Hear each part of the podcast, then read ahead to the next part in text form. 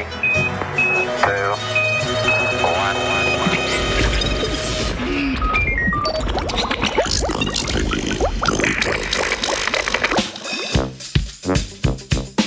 Vrtičkarji oglika.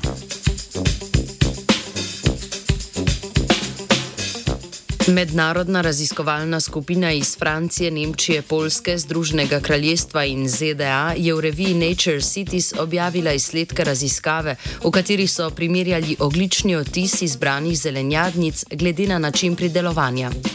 Raziskovalke in raziskovalce je zanimalo, koliko gramov oglikovega dioksida se pridela na porcijo zelenjave v urbanem kmetovanju v primerjavi z neurbanim.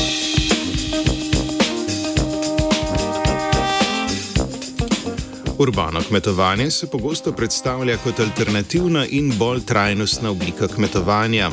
V nekaterih primerjih ima lahko urbano kmetijstvo večji negativen okoljski vpliv kot prevladujoča oblika kmetovanja, ki je v študiji obravnavana kot velike, pretežno monokulturne usmerjene kmetije izven mest. V danes predstavljeni raziskavi pa so primerjali oglični odtis prevladujoče oblike kmetovanja z nizkotehnološkim urbanim kmetovanjem. K slednjemu prištevamo privatne vrtičke, skupnostne vrtove in kmetije v mestih in njihovi bližini. Nadalje so nizkotehnološko kmetijstvo opisali kot pridelavo polščin, nepokrito v tleh in brez rastlinjakov, za razliko od visokotehnološkega urbanega kmetijstva, pri katerem hrano pridelujejo na vertikalnih stenah in v rastlinjakih na strehah. Raziskovalna skupina se je osredotočila na oglični odtis šestih pridelkov, ki celokupno predstavljajo tri četrtine vseh pridelkov v izbranih državah in sicer fižola, korenja, solate, čebule, krompirja in paradižnika. V oceno okoljskega vpliva zelenjave in sadja, pridelanih na različne načine, je vključila rabo gnojil, vode, podhrane od pridelovalca do potrošnika ter opravila analizo življenjskega cikla kmetijske infrastrukture. Ugotovili so, da je urbano kmetijstvo do šestkrat bolj obremenjujoče za okolje z vidika ogličnega odtisa kot prevladujoča oblika kmetijstva.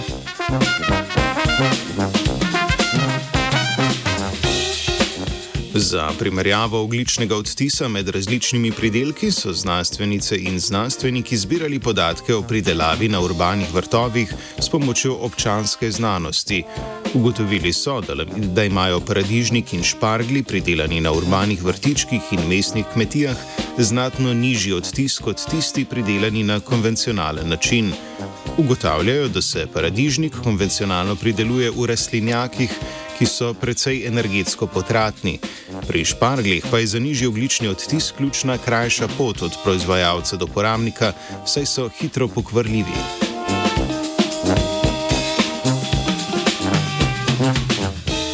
Raziskovalke in raziskovalci za konec še izpostavljajo, da prihaja pri urbanih vrtičkih več kot 90 odstotkov ogličnega otisa infrastrukture z naslova aktivnosti, ki niso direktno povezane s pridelavo hrane, ampak predvsem namenjene preživljanju prostega časa, da nimo klopi, mize, lope, ležalniki.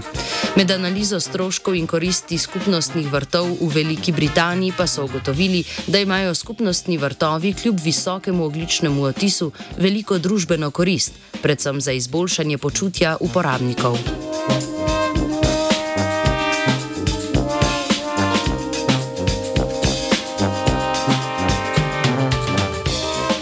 Grah, krompir in zelnate glave, pa začimbe in dišave, česen, petršilj, korenje, vse kar lepše nam življenje in v nas ponos budi, je danes pridelal Tim.